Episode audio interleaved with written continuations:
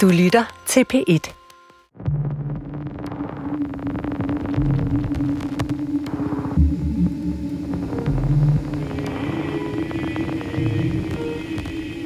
Jeg har det ikke godt med det. Jeg er meget nervøs, da jeg kommer ind, og han sidder ligesom bare der, og jeg ved ikke, hvad jeg skal, og det er sådan en meget akavet situation.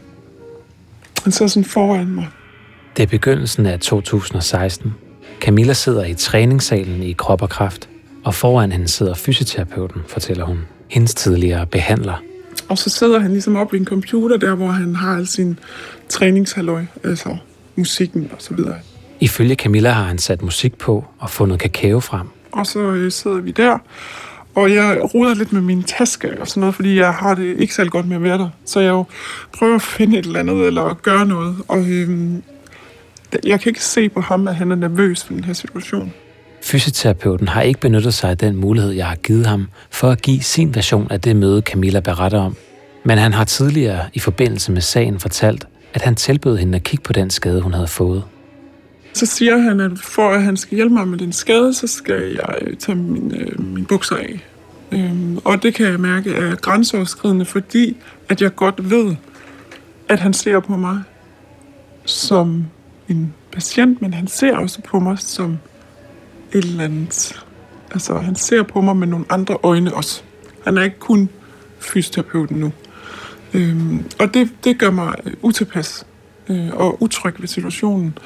Og jeg siger til ham, at øh, ej, det er lige meget, det behøver du ikke. Og han siger, at jeg vil jo gerne. Altså, du kan bare tage dine bukser af. Det kan du da godt. Det sker der ikke noget ved.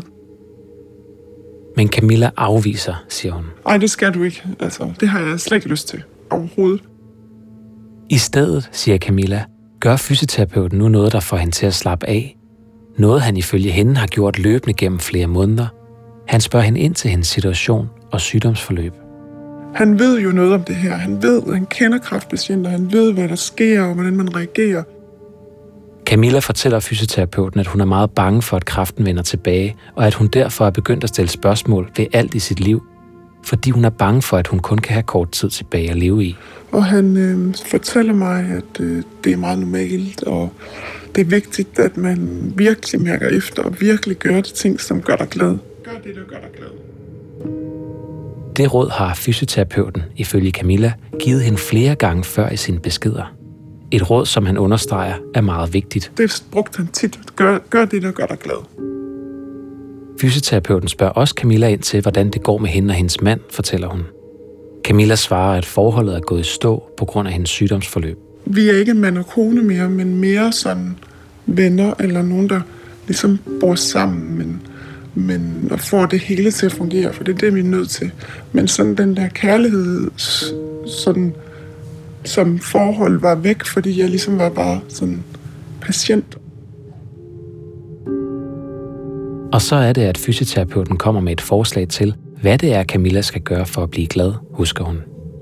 Du skal også springe ud i noget nyt, fordi at øh, man behøver sikkert hænge fast i det gamle, bare fordi det har været trygt og godt, og han har hjulpet dig langt hen ad vejen, min mand, med, med støtte og kærlighed og så videre, da du var syg.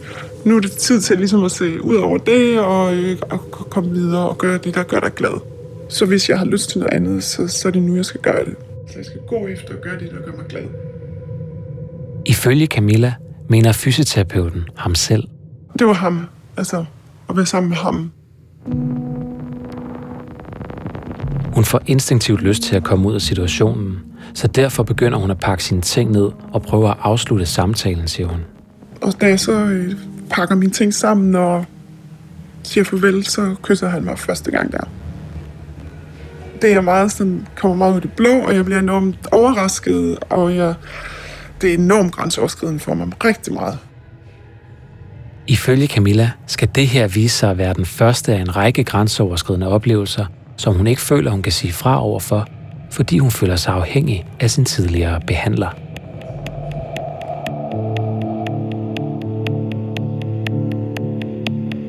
Fra p Dokumentar. Det her er anden episode af Det Perfekte Offer 3. De to ansigter.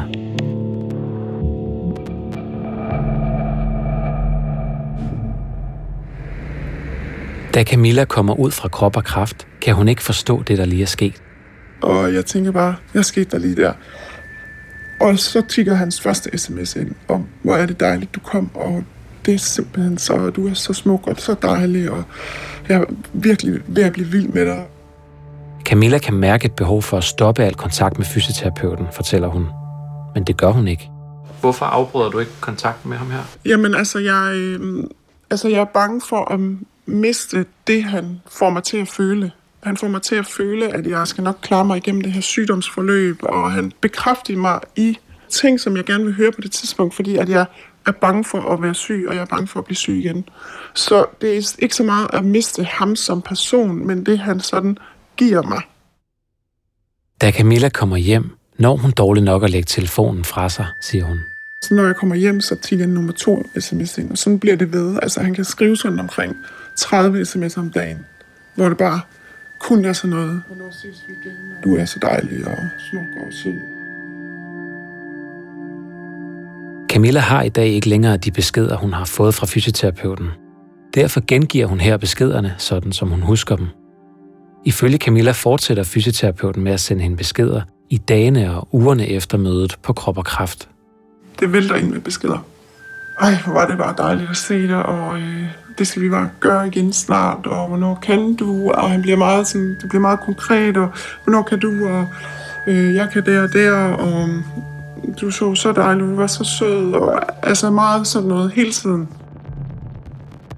Men samtidig med, at fysioterapeuten ifølge Camilla presser på for, at de skal ses igen, begynder hans beskeder at ændre karakter, siger hun. Hans sms'er bliver jo langt mere øh, undertoner af, at vi skal være sammen, og sex, og han, han skriver sådan nogle meget lange, lange, lange historier, som han, ligesom hans fantasier om sex med mig. Hvordan kunne det foregå, og hvorhen, og hvordan skulle jeg se ud, og hvad skulle jeg gøre. Og det var sådan meget detaljeret, altså, og det var enormt, øh, enormt grænseoverskridende for mig. Ifølge Camilla er en af hans fantasier at have sex på sin arbejdsplads. Det sted, hvor Camilla tidligere gik i behandling hos ham. Og hvis han troede, at det ligesom ville tænde et eller andet i mig, så gjorde det det absolut ikke. Altså, jeg synes, det var øh, nærmest komisk øh, og, og mærkeligt. Og jeg synes, det er upassende, virkelig upassende. Men jeg bliver sådan, jeg, jeg er nødt til at svare. Jeg har præsenteret fysioterapeuten for de beskeder, som han ifølge Camilla sender til hende, men han er ikke vendt tilbage med nogen kommentarer. Fysioterapeuten har i forbindelse med sagen tidligere udtalt, at han måske sendte tekster med seksuel indhold til Camilla, efter de begyndte at skrive sammen. Camilla fortæller, at hun til at begynde med forsøger at undlade at gå med på den seksuelle del af korrespondancen, men at hun oplever, at det får fysioterapeuten til at presse endnu mere på. Hvis jeg ikke svarer, så, så sender han jo bare flere. Øh, kom nu, eller du skal svare, eller jeg vil gerne have, at du svarer. Og, sådan. Og, øh, og jeg kan mærke, at jeg bliver så presset, at jeg selvfølgelig finder på et eller andet. Og det er jo altså fordi jeg igen er bange for, at hvis jeg ikke gør det, så er han helt væk. Øhm, og det er jeg jo bange for. Så jeg sender ham jo også tilbage øh, noget af seksuel karakter. Ifølge Camilla presser fysioterapeuten på for, at de skal mødes igen, og understreger over for hende, at han bruger meget tid på hende, fortæller hun. Og han skriver også nogle gange, at jeg har brugt en hel dag på sms med dig. Øh, så jeg føler, at han bruger meget tid på mig og investerer enormt meget af sin tid i mig eller på mig. Så jeg føler også, at jeg skal give ham noget tilbage. Så jeg, så jeg siger til ham, at vi godt kan mødes igen. Øhm, og det gør vi så. Øh, og det er også en af bagindgangen.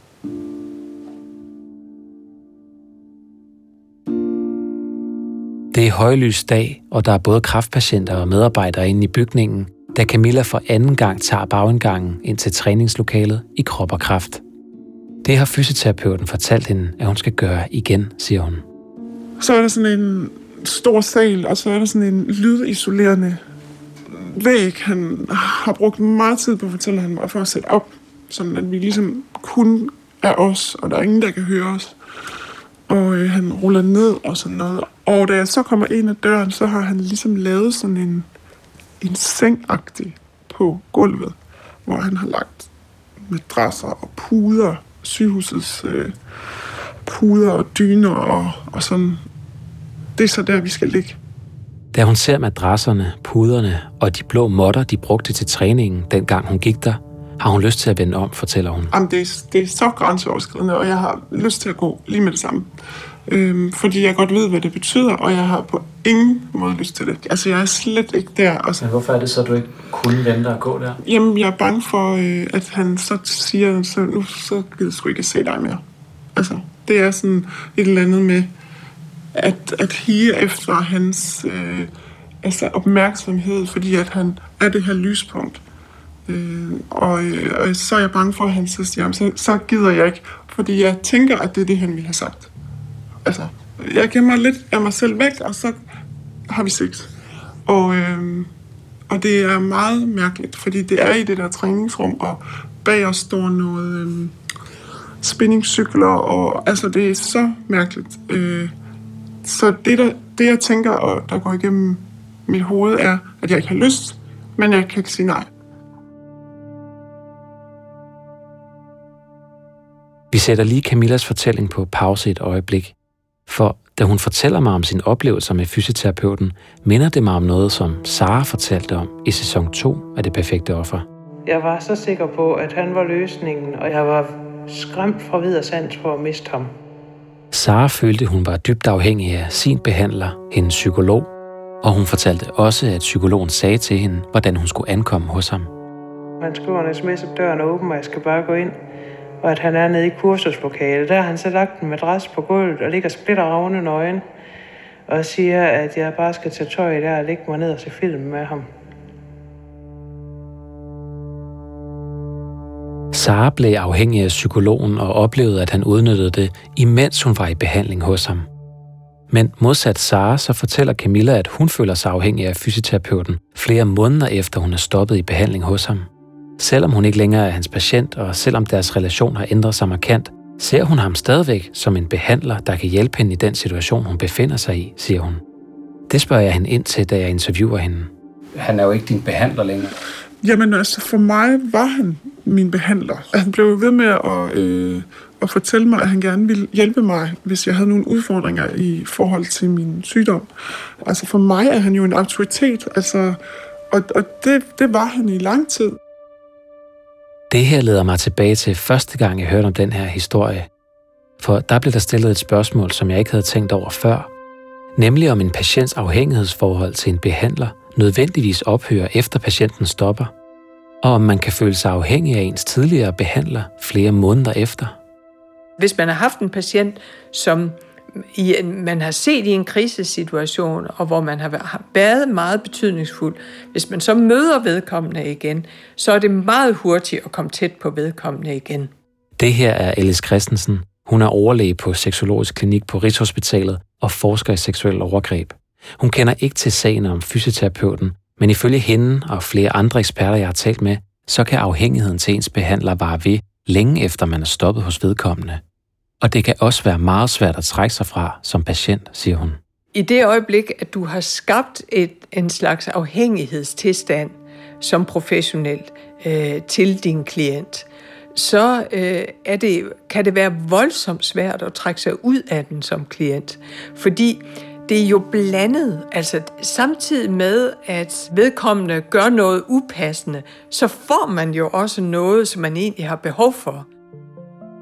Mennesker, der er eller har været ramt af kræft, kan få et stort behov for hjælp og opmærksomhed, påpeger hun.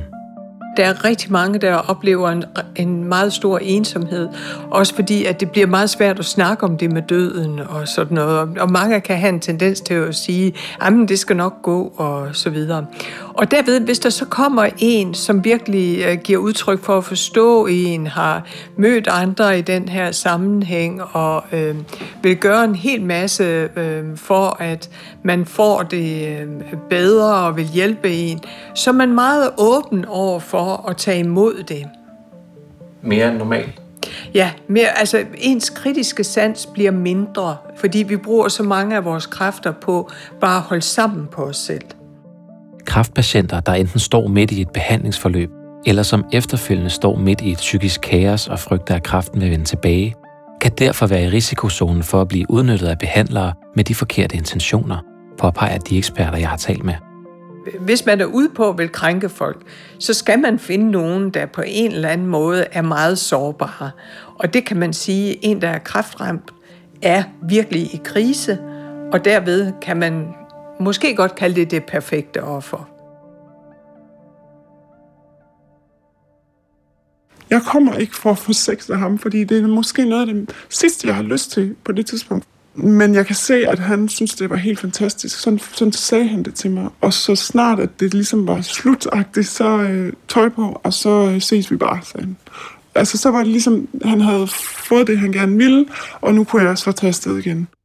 Efter at fysioterapeuten og Camilla har haft sex på krop og kraft, og Camilla er på vej ud af døren, stiller fysioterapeuten hende et spørgsmål, kan hun huske. Han spørger mig om, øh, hvor gamle mine børn er, og det fortæller jeg.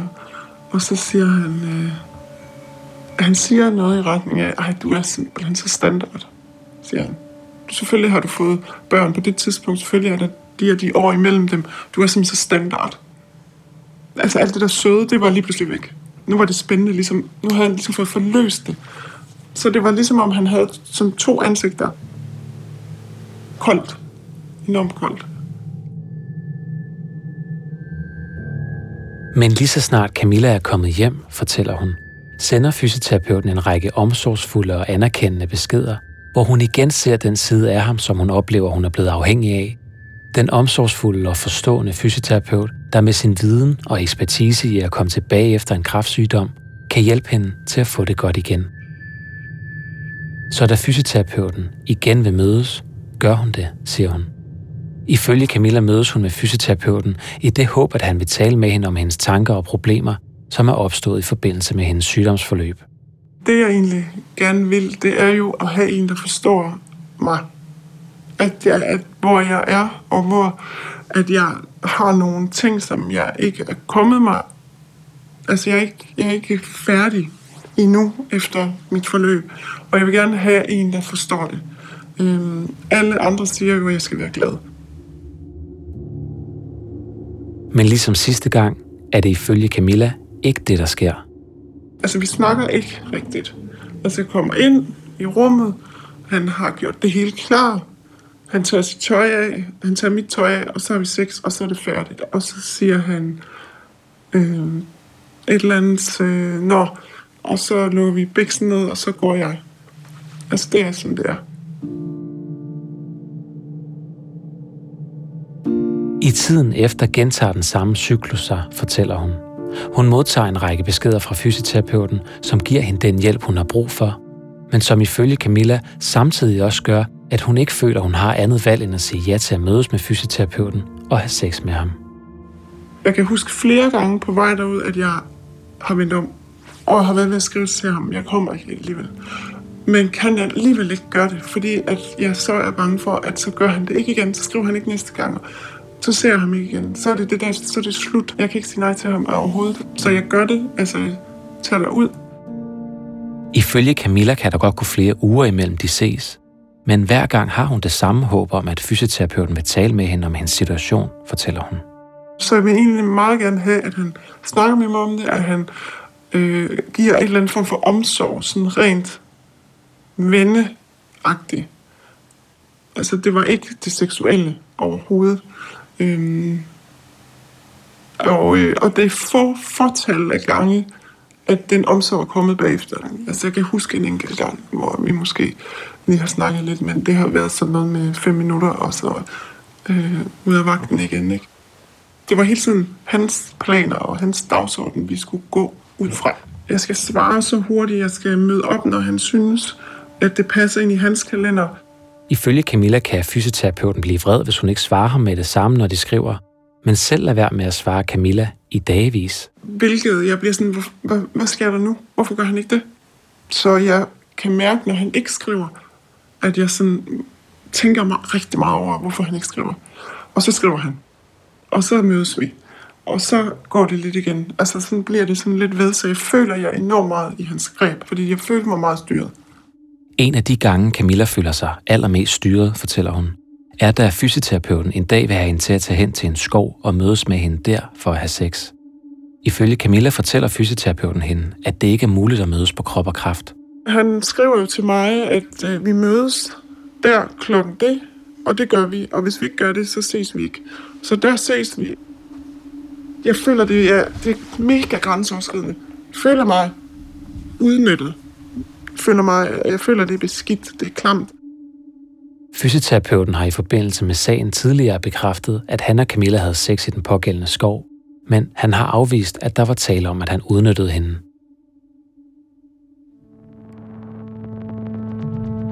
Ifølge Camilla fortæller fysioterapeuten hende løbende, at det er vigtigt, hun ikke fortæller nogen om deres forhold. Han øh, fortæller mig, at hvis jeg siger det til nogen, og det bliver kendt for sygehuset, så bliver han fyret.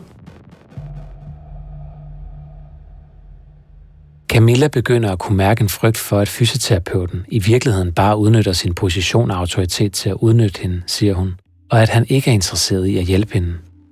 Tankerne om, at han ikke vil det, er der, men jeg skubber dem hele tiden væk, fordi jeg tænker, det kan, det kan ikke være rigtigt, der er sådan en mand, der, der ikke vil mig det godt, når han er i den position. For han ved godt om nogen, hvordan det er, at kraftpatienter har det. Og han, øh, fortæller mig jo mange gange, at han aldrig har gjort det før. Og, øh, og det er vigtigt for ham at fortælle, at, at det er ikke noget, han har gjort før mod sin kone, fordi han er også gift. Øhm, og det tror jeg på. Camilla kan huske, at fysioterapeuten også flere gange formår at få hende til at tro på, at han ikke er ude på at udnytte hende. En dag sender han for eksempel en besked til hende over Snapchat, fortæller hun. Så sender han en øh, snap, hvor han ligesom har vedhæftet den her sang. Og så øh, skriver han, at den minder om ham og mig, og at jeg skal lytte til den. In the dark they go like stars, bright light. In the night I see them glow.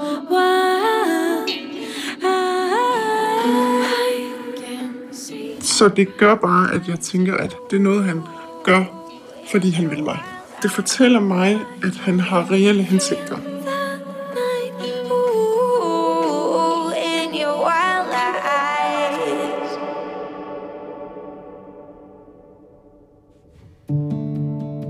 Jeg har tilbudt fysioterapeuten at komme med sin version af hændelsesforløbet, men han er ikke vendt tilbage på mine henvendelser. Han har i forbindelse med sagen tidligere bekræftet, at han indledte et seksuelt forhold til Camilla, efter hun stoppede i krop og kraft men afviste, at der var tale om overgreb eller udnyttelse. Han har også tidligere afvist, at han talte med Camilla om, hvorvidt det, der skete mellem dem, var forkert i forhold til hans job. Ifølge fysioterapeuten blev han og Camilla i fællesskab enige om at indlede et seksuelt forhold, og de var ifølge ham enige om, at det skete frivilligt. Fysioterapeuten har i forbindelse med sagen fortalt, at han mener, at de måske havde sex to til tre gange i krop og kraft, og at de måske også havde sex 6-8 gange andre steder, som eksempelvis i den pågældende skov. Camilla mener, at det skete omkring fem gange i alt, og ifølge hende foregik det på nær den ene gang i skoven, altid i krop og kraftslokaler.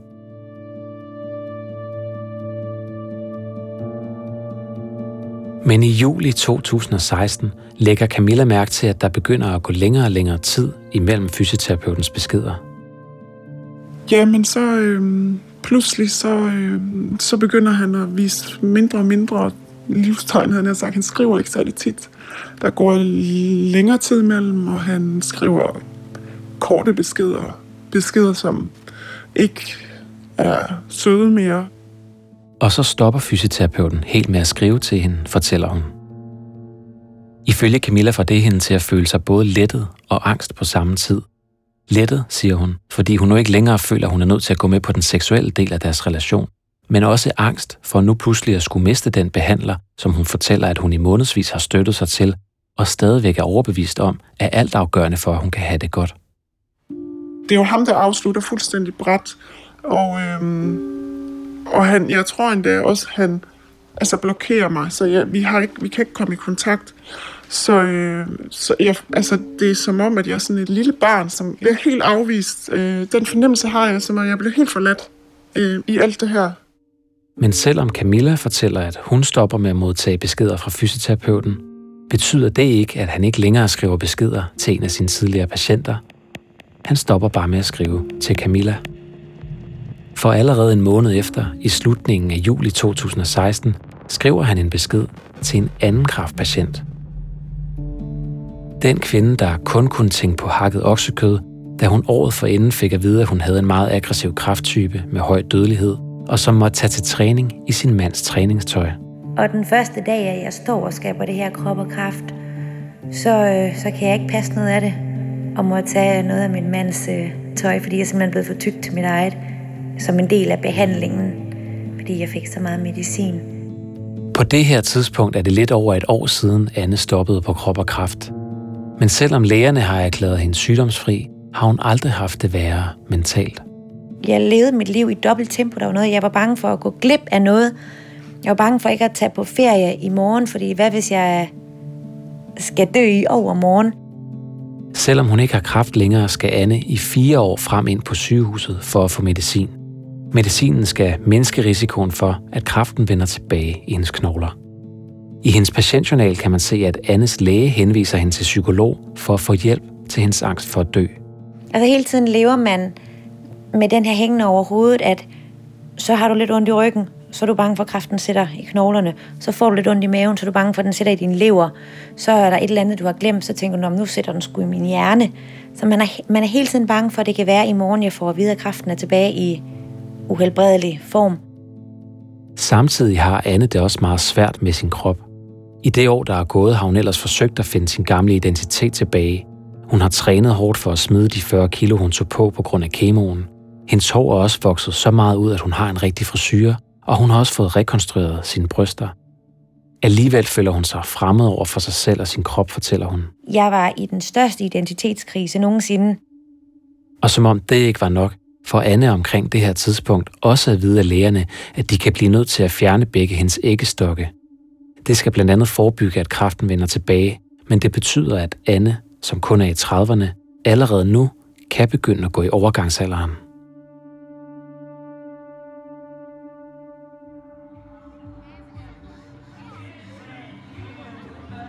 Den 29. juli 2016 tager Anne til et grønt koncert i Odense sammen med en veninde. Et par timer efter de er kommet, møder hun tilfældigt fysioterapeuten. Og han bliver meget, meget glad for at se mig og krammer og løfter mig op og siger, Gud, ej, hvor er du blevet flot, og du har tabt dig mange kilo, og wow, ej, hvor ser du godt ud. Anne bliver glad for fysioterapeutens kompliment, for den kommer ikke fra en tilfældig person. Den kommer fra en, der har set hende, da hun var allermest syg, skaldet og overvægtig. Han har øh, set mig, hvor jeg er allerlængst, øh, allermest nede og bide i græsset. Så jeg blev jo bare rigtig, rigtig, rigtig glad, for jeg havde brug for bekræftelsen. Mens Anne står og taler med fysioterapeuten, kan hun igen mærke den følelse af bekræftelse, som fysioterapeuten gav hende på krop og kraft. Jeg følte, at han kunne se igennem alle de her mange kilo, der var ekstra på min krop, og kunne forstå min, øh, min frustration og forstå, at, at det her det er en kamp, jeg kæmper. Så Anne takker fysioterapeuten, før hun igen går hen til sine venner. Jeg takker ham for, at han har betydet så meget i det her krop og kraft, øhm, og har rummet mig, som man gjorde dengang, og har øh, givet mig en kampgejst, og, øh, og, øh, og været der for en, når det var rigtig svært. Nogle dage efter opdager Anne noget på sin telefon. Og en eller anden dag, jeg sætter og keder mig, så kan jeg se, at der er et eller andet, der lyser op på den, når jeg går ind og kigger. Og så kan jeg se, at jeg har fået en, en anmodning fra fysioterapeuten. Ifølge Anne har fysioterapeuten tilføjet hende på Snapchat, og hun opdager, at han også har skrevet en besked, hvor han, ifølge Anne, udover at sige tak for sidst, gentager, at hun så rigtig godt ud. Så bliver jeg jo glad, fordi så har han jo ment det. Så har han jo ikke bare været fuld og, øh, og sagt det. Så har han jo faktisk ment det, når han sætter sig ned og skriver det til mig efterfølgende. Anne svarer fysioterapeuten, og de begynder at skrive sammen, fortæller hun. Ifølge Anne spørger fysioterapeuten til at begynde med, hvordan hun har det, både fysisk og mentalt, ligesom dengang på krop og kraft. Altså han har jo redskaberne og værktøjerne til at spørge ind på den rigtige måde. Han samler jo op på det, vi har snakket om dengang i fortrolighed. Hun fortæller fysioterapeuten om sin angst for at dø, og at hendes mand ikke forstår, hvor bange Anne er for, at kraften skal vende tilbage. Altså vores forhold er, vi glider længere, vi glider længere og længere fra hinanden og får sværere og sværere ved at snakke sammen. Og jeg føler ikke, at han forstår mig. Men det føler Anne, at fysioterapeuten gør. Der lige pludselig mødte jeg en mand, som, som havde forståelse for det, og næsten kunne sætte ord på det, før jeg selv sagde det. Ifølge Anne bruger fysioterapeuten sin autoritet og position som hendes tidligere behandler til at komme ind på livet af hende igen. Blandt andet ved at spørge ind til hendes helbred. Og det er jo selvfølgelig også via, via hans uddannelse, at han kunne give nogle fornuftige svar. Og så er det, han begynder at sende hende beskeder, hvor han komplimenterer hendes udseende, fortæller hun. Godmorgen, smukke, og har du en dejlig dag, og jeg har tænkt på dig hele dagen. Fordi korrespondancen foregår på Snapchat, hvor beskederne som udgangspunkt forsvinder, når de er læst, har Anne i dag ikke længere de beskeder, hun gengiver her. Jeg har fremlagt præcis de beskeder, som Anne fortæller om for fysioterapeuten, men han er ikke vendt tilbage med nogen kommentarer. Beskederne bliver meget hurtigt meget vigtige, fortæller Anne, og hun tjekker hele tiden sin telefon for at se, om han har skrevet. Jeg var afhængig af komplimenterne, og øh, fordi det var ham. Det betød noget, at det var ham. Selvom det er et år siden, at Anne havde fysioterapeuten som behandler, begynder hun allerede her, efter cirka en uges korrespondence, siger hun, at føle sig afhængig af den måde, hun føler, han hjælper hende på igen. Så det vil sige, ifølge dig, så på det her, selvom der er gået et år, så har, du, så har han stadigvæk en eller anden autoritet, og Ja. du har stadig en eller anden form for afhængighed af ham. Ja, Da jeg hører Annes historie, kan jeg igen ikke lade være med at undre mig. Kan man, et år efter at et forløb hos en tidligere behandler er afsluttet, så hurtigt blive afhængig af bekræftende beskeder fra den tidligere behandler? Det, man bliver afhængig af, det er bekræftelsen. Det er, at øh, man bliver set af et andet menneske. I det her tilfælde en autoritet. Og det at få bekræftelse fra et andet menneske løbende, det er noget, man kan blive meget afhængig af som kraftpatient. Det her er Helene Almin Jansen. Hun er psykolog og tidligere forskningskoordinator ved Rigshospitalets Center for Seksuel Overgreb. Hun har forsket i seksuel overgreb og den proces, der sker, når man bliver manipuleret og forført ind i en seksuel proces, det man også kalder grooming. Ifølge hende kan man godt som kraftpatient blive meget afhængig af at få bekræftelse og opmærksomhed fra ens tidligere behandler. Også selvom behandlingen ligger et år tilbage i tiden. Noget som flere andre eksperter, jeg har talt med, bakker op om. De bekræftelser, det bliver givet, de får en øh, stor betydning for, for det andet menneske i forhold til at føle sig set og anerkendt og forstået i, i en meget, meget svær situation, som det er at være et kraftsygt menneske. Den bekræftelse bliver særlig vigtigt, når man står i et sygdomsforløb, fordi at der jo også er frygten for at dø. Øh, Man vil hænge sig fast og hige efter de steder, hvor at man kan blive set, og man kan få den her fornemmelse af, at her der er der nogen, der forstår mig.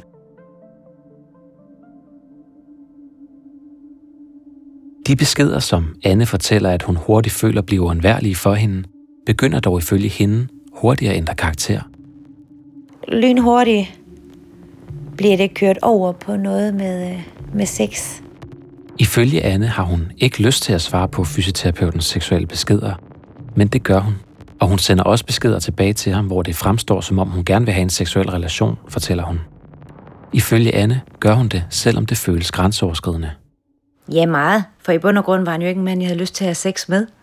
Så det var da forkert. Hele min krop og mit sind skreg der på, at, at det her det er helt forkert at gøre. Men hvorfor stopper du så ikke kontakten med ham, hvis det er grænseoverskridende? Fordi det var ham. Han var ikke en hvil- hvilken som helst øh, tilfældig mand. Det var, det var ham, jeg havde brug for, for at have det godt. Anne fortæller altså, at hun føler, at hun er nødt til at give noget tilbage for at få det, hun har brug for, som hun kalder det. Hvis jeg øh, havde brug for at skrive om, om, hvordan jeg havde det, og, og de der personlige ting, jeg gerne ville snakke om, eller skrive om, øhm, så kunne jeg jo godt mærke på, om han synes jeg var uinteressant. Så jeg var nødt til at spille mig selv interessant, nødt til at spille en lille smule op, og gå med på hans øh, seksuelle øh, toner, for, for så få det andet, som jeg gerne vil have. Fysioterapeuten har tidligere i forbindelse med sagen afvist, at han straks skrev beskeder med seksuelt indhold til Anne, men han har fortalt, at det godt kan være, at han senere sendte seksuelle beskeder til hende. Ifølge Anne fortsætter hun og fysioterapeuten med at skrive sammen på Snapchat i begyndelsen af august 2016, og hun fortæller, at korrespondancen bliver af mere og mere seksuel karakter. Fysioterapeuten begynder at skrive til hende om en fantasi, han har, siger hun. Han havde den der fantasi om at have, have sex på sin arbejdsplads.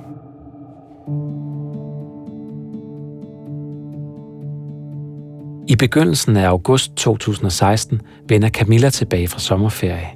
Hun har ikke hørt fra fysioterapeuten, siden han to måneder tidligere lukkede ned for korrespondancen, siger hun. Og jeg slipper det her mere og mere, fordi jeg også godt ved, at det er ikke sundt for mig. Men jeg har stadigvæk, altså han sidder lige på skulderen af mig hele tiden, og, øh, og jeg føler ikke, at det er afsluttet. Øh, og jeg er i tvivl om, hvor, altså, hvor han er, og hvad sker der. Altså, jeg kan, ikke, jeg kan ikke forstå det. Camilla er nervøs, da hun er på vej til et arrangement, der foregår i Kraftens Bekæmpelseshus i Odense, også kaldet KB-huset. Selvom fysioterapeuten ikke har noget at gøre med arrangementet, foregår det altså i den bygning, hvor Krop og Kraft, der hører under Odense Universitetshospital, har lokaler. Der, hvor fysioterapeuten har sin daglige gang, og der, hvor han og Camilla også havde sex. Jeg kan ikke overskue, hvis han er der, fordi jeg føler egentlig, at jeg har lagt ham på hylden, og jeg skal videre. Så, øh, så ja, jeg, jeg er nervøs for det. Og han er også det første, jeg ser, da jeg kommer ind. Og øh, han sidder sammen med to piger, og så ham. Og vi siger hej, og han, han giver mig knus. Midt i lokalet sidder fysioterapeuten og snakker med to andre kraftpatienter, fortæller hun. Men stemningen er anspændt. Altså for mit vedkommende. Ikke for ham. Han er helt som han plejer, og som om vi overhovedet ikke har haft noget, eller kender hinanden yderligere, end at jeg har været på hans krop og krafthold. Øh, Det virker ikke til, at han overhovedet skænker den tanke. I rummet sidder der også en anden kvinde, der fortæller, at hun har fået at vide af fysioterapeuten, at hun ikke må fortælle nogen om, at de to skriver sammen privat. Vi sad inde i KB-huset en dag til noget arrangement. For en af de andre kvinder i lokalet er Anne. Anne og Camilla har mødt hinanden til et par af de her arrangementer før, Og det er der, jeg møder hende. og de taler naturligt godt sammen om deres sygdom. Vi var ret ens i vores øh, måde at håndtere, øh, håndtere sygdommen på. Camilla sætter sig nu ved det bord, hvor fysioterapeuten og Anne sidder. Fysioterapeuten har som nævnt ikke noget at gøre med arrangementet, og på et tidspunkt rejser han sig for at gå. Og så øhm, går han forbi min stol, øh, og så kniber han mig i armen, sådan som for at, ligesom at vise, øh, jeg er her stadig, føler jeg. Altså, jeg har ikke sluppet dig helt. Øh, det er den følelse, jeg får, det er, at, hov, hvad var det? Hvorfor gør han det nu? Men jeg øh, tænker også, åh oh, nej, det er ikke helt slut. At han ligesom har grebet om mig igen på en eller anden façon. På den anden side af bordet kan Anne fornemme, at der foregår et eller andet mellem fysioterapeuten og Camilla. Og jeg havde en eller anden jalousi over, hov, hvor meget kigger han lige på Camilla, han skal kun kigge på mig. Og jeg kan huske, jeg tænkte, gad vide, om han også skriver med hende. Hun er en rigtig, rigtig køn pige, så hvorfor skulle han ikke gøre det? Så jeg spørger hende efterfølgende, om hun har været sammen med ham. Og så siger jeg nej. Og så tænker jeg, kan hun se ind i mig? Altså, hvad sker der? Altså, hvorfor spørger hun om det? Altså, øh, er, det, er det åbenlyst? Og hun griner jo. Ja, hun griner jo bare og siger, nej, selvfølgelig har hun da ikke det. Og så spørger jeg hende tilbage, har du? Nej, selvfølgelig har jeg da ikke det. Og så snakker vi egentlig ikke mere om det.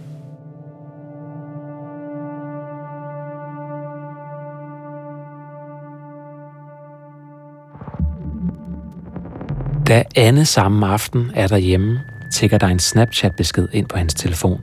Det er fysioterapeuten, fortæller Anne, som vil høre, om hun har lyst til at komme forbi dagen efter, hvor der ikke er holdtræning på krop og kraft.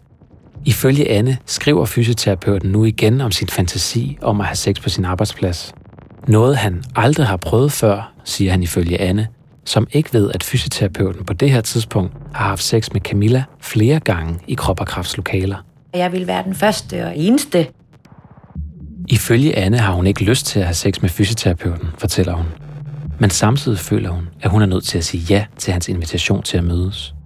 Og det gør Anne.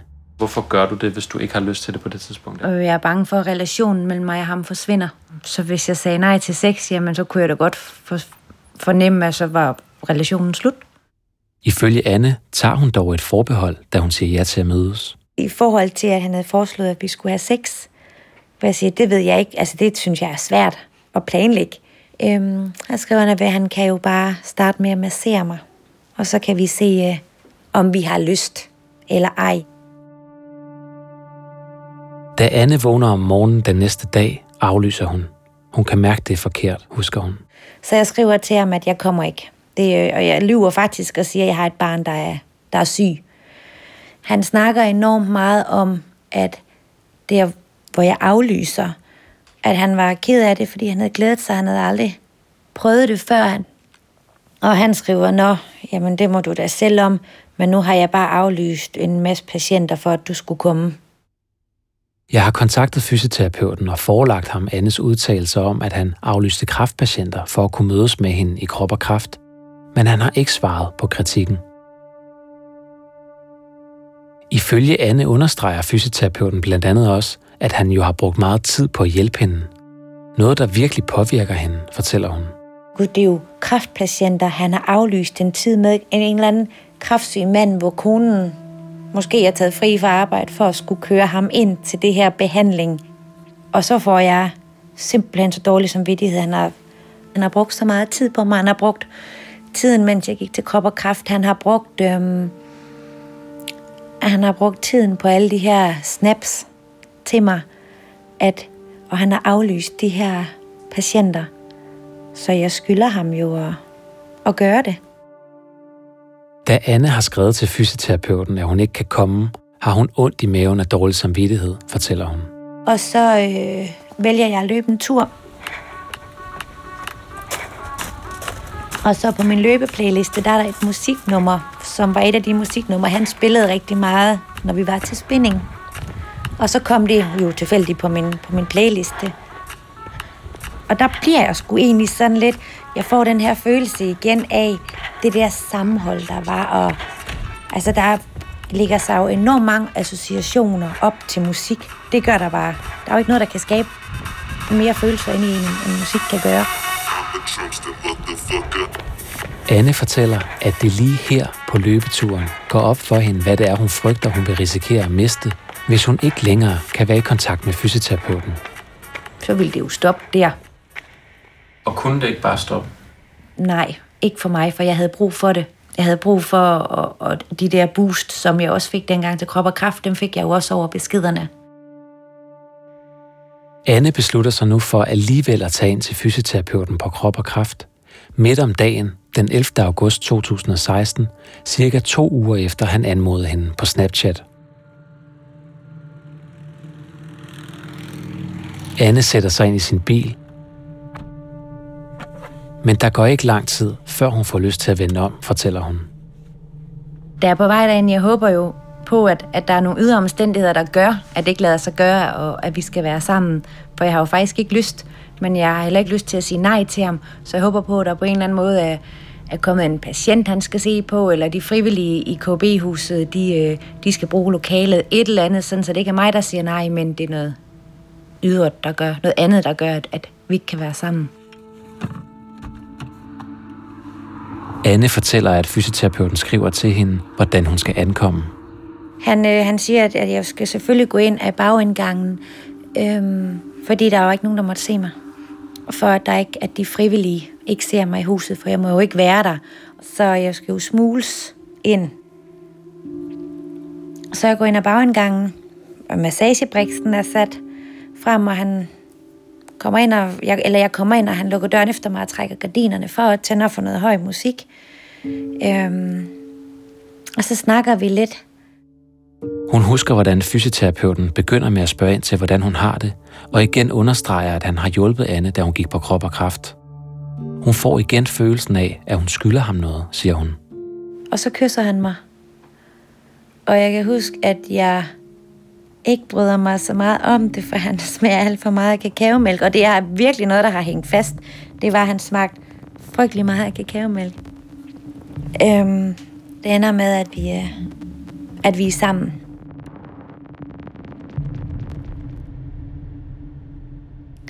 Så øh, jeg øh, nærmest kun lige kommet ud fra OUH, så skriver han den første snap om, hvor skønt og hvor dejligt og fantastisk det var. Og han skrev, at han rigtig gerne ville ses igen. Og vi blev enige om, at så skulle det nok være et sted, hvor man kunne lære hinanden lidt bedre at kende. Det skulle ikke bare være ude i IKB-huset. Så vi blev enige om at lige begge to tænke over, hvordan, øh, hvor det eventuelt kunne være.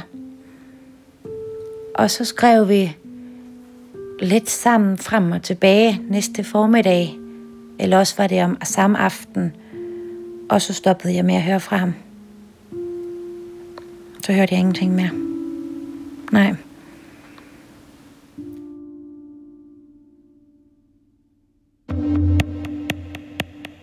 I dag er Anne ikke i tvivl om, hvad det var, hun oplevede, at fysioterapeuten gjorde. Han har plukket mig ud, hvor jeg har været allermest sårbar, og bearbejdet mig til at, at føle, at fordi han har været der for mig i en tid, hvor det var så svært at være i mit sind og i min krop, der var han der for mig som en primær person, og på en måde har fået mig til at føle, at jeg har skulle betale det med sex. Så på en eller anden måde føler jeg mig øhm, manipuleret til at, at føle, at jeg skyldte ham noget. Altså, jeg er jo flov over, at jeg ikke har kunne se, at det var jo et eller andet form for afhængighedsforhold på en eller anden måde, der var blevet skabt. Jeg skal jo ikke betale ham med sex. Når Anne i dag hører sangen fra Spændingtimen og lytter til, hvad det er, der bliver sunget, får hun kuldegysninger, fortæller hun. Dengang lød jeg jo ikke mærke til teksten, men når man så læser teksten nu, så kan man jo ikke lade være med at tænke på, at det var jo det, han gjorde. Altså når han stod og, og sang med på den sang, øh, så tænker jeg, at man skulle tro, at den var skrevet til lejligheden. Hvorfor? Fordi den handler om det her med at vælge den næste, og som jeg husker den, at nu får jeg, øh, nu får jeg dig til at elske mig i det øjeblik, at du gør det, så er jeg videre til den næste. I'm Mr. Trumper, aka get her number. No, I will never love her. I just really wanna fuck her. I'm always causing trouble right after I hit another. Yeah, yeah, I'm a Trumpster, motherfucker. I'm so good. Jeg har detaljeret forelagt Annes beretninger og kritikpunkter for fysioterapeuten. Men trods gentagende henvendelser har han ikke svaret. Han har i forbindelse med sagen tidligere bekræftet, at han og Anne havde sex i krop og krafts lokaler, men han har afvist, at han udnyttede hende, eller der var tale om overgreb. Ifølge fysioterapeuten skete det frivilligt og efter indbyrdes aftale.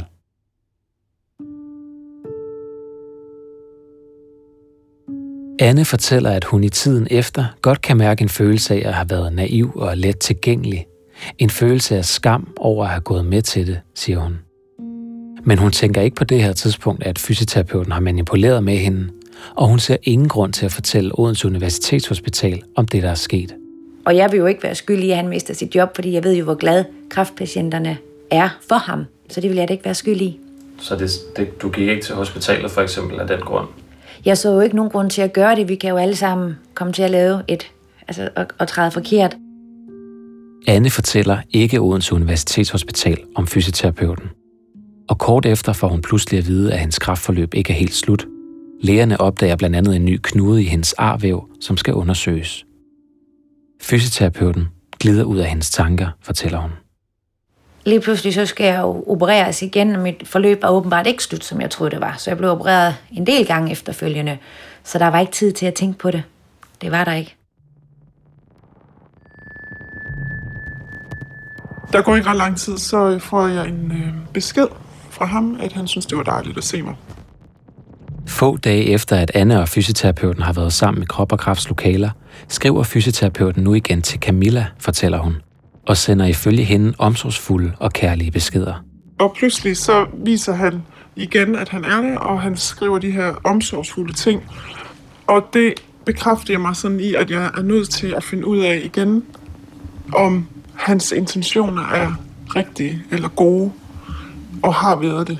Og det er altså det, der betyder rigtig meget for mig under hele forløbet. Det er faktisk, at hans intentioner er gode. For jeg kan ikke forestille mig, at sådan en mand som ham kunne finde på at såre sådan en som mig i den situation. Derfor siger Camilla ja, da fysioterapeuten ifølge hende vil mødes igen. Men da de mødes, er alt ved det gamle, fortæller hun. Vi får ikke snakket eller sat ord på noget som helst i forhold til, hvad der er sket. Han siger noget med, at han har savnet mig, og han, øh, alt det her, han også fortalte mig før. Og så snart, at altså, vi ligesom har haft sex, så er det også bare det. Altså, så er det, vi ses, og du skal ikke sige det her til nogen. Det kan jeg faktisk huske, han siger der også. Ifølge Camilla går der omkring en uge eller to. Og så øh, skriver han, at, øh, at vi skal ikke ses mere. Og at øh, det har været sjovt, og, øh, men jeg skal vide, at det har hele tiden bare været en leg for ham. Og det skriver han helt overret. Det har været en leg for mig. Jeg, kom, jeg tænker bare på det, og tænker, at, at han er helt, helt gak. Altså, tænker jeg. Altså, hvad, hvad sker der oppe i hovedet med ham? Altså, øh, hvorfor det der med at hvorfor, altså, lege en leg med mig, øh, er enormt, altså, øh, enormt ondt, synes jeg. Det virker helt, øh, ja, kynisk.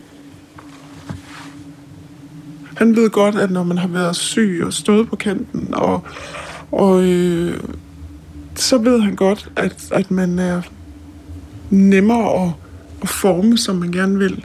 Og det, det tror jeg, han udnyttede.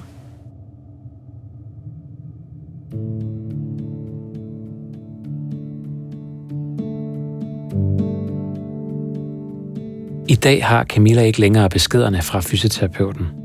Kort tid efter sletter hun ham nemlig fra Facebook, Snapchat og Instagram, og hun sletter alle beskeder fra ham. Og jeg mærker der, at det er en kæmpe lettelse. Jeg skal ikke tjekke min telefon. Jeg har ikke alle de der beskeder. Jeg skal ikke uh, derud mere. Så jeg bliver, altså, bliver meget mere glad. De svære følelser om kraften og alt den tvivl om, hvad Camilla skulle gøre med sit liv, er pludselig lettere at håndtere, fortæller hun. Selvom fysioterapeuten i hendes hoved var ham, der skulle hjælpe hende, siger hun. Og jeg begynder sådan at forholde mig til mit eget liv igen, og min familie og venner. Snuden den var igen, og tænker det her, det er så godt, at det er stoppet. Jeg vil min familie, og jeg vil min mand rigtig meget, så jeg, helt, jeg har meget lyst til, at vi skal finde ud af det. Derfor, siger Camilla, fortæller hun heller ikke Odense Universitetshospital om, at fysioterapeuten har haft sex med hende, hans tidligere patient. For Camilla frygter, at hun så også vil skulle fortælle sin mand om fysioterapeuten. Og det tør hun ikke. Fordi at jeg tænker, at det ødelægger alt det, vi er ved at bygge op nu. Øh, så jeg tør jo ikke sige det til nogen. Altså, det er jo en kæmpe hemmelighed, jeg går med. Men der er stadigvæk en tanke, som indimellem trænger sig på. En tanke, der hænger sammen med noget, der også stod i beskeden fra fysioterapeuten, fortæller hun. Noget Camilla ikke kan glemme. Han skriver også i den sms, at han føler, at hvis han ligesom ser mig, så vil han tro, at jeg vil sige, at han ikke kunne have sex med andre, og det har han lyst til. Han har lyst til at have sex med andre end mig. Og tænker jeg straks, at han måske tænker nye patienter. Øhm, men jeg gør, altså, det er ikke en tanke, jeg sådan tænker til ende, men jeg tænker den.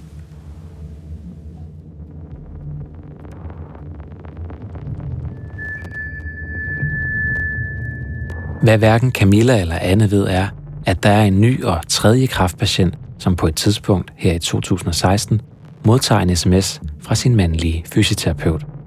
Kvinden er meget syg, går stadig i kemobehandling og er stadig patient hos fysioterapeuten på krop og kraft, da hun åbner sms'en, som fysioterapeuten indleder med ordene. Hej smukke. Komplimenten gælder med uden hår og eller med paryk. Og en sms, hvor fysioterapeuten, ud over at underskrive sig med sit fornavn, også skriver med venlig hilsen, Fys, Latino, krop og kraft. In the dark they go like stars,